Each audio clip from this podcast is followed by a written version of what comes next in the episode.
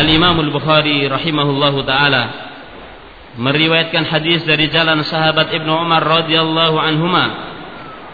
Ia berkata, Rasulullah sallallahu alaihi wasallam memegang kedua pundak saya lalu bersabda, "Kun fid dunya ka'annaka gharibun aw 'abir sabil."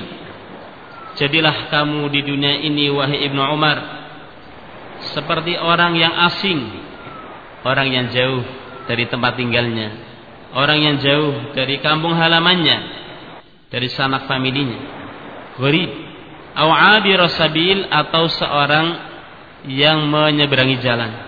Maksud dari hadis ini bahwa Rasul alaihi salatu wasallam menasihati sahabat Ibnu Umar agar dia memandang dunia bukan segala-galanya agar dia meyakini bahwa dunia ini adalah salah satu jenjang kehidupan untuk menuju kehidupan berikutnya dan berikutnya.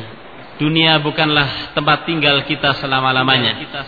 Maka seorang mukmin hendaklah memantapkan dirinya bahwa di dunia ini dia adalah musafir sedang melakukan perjalanan menuju tempat yang dituju yaitu akhirat. Kemudian sahabat Ibnu Umar radhiyallahu anhu mengatakan setelah mendapatkan nasihat seperti itu dari Nabi alaihi salatu wasalam, "Idza asbahta fala tantadiri al-masa wa idza amsayta fala tantadiri sabah." Jika kamu berada di waktu sore, janganlah kamu menunggu untuk beramal hingga datangnya waktu pagi dan jika engkau berada di waktu pagi Jangan menunda beramal Sampai datangnya waktu sore Wa khud min sihatika di marodika Wa min hayatika di mautika. Pergunakanlah masa sehatmu Untuk masa sakitmu Dan gunakanlah kesempatan hidupmu Untuk masa matimu.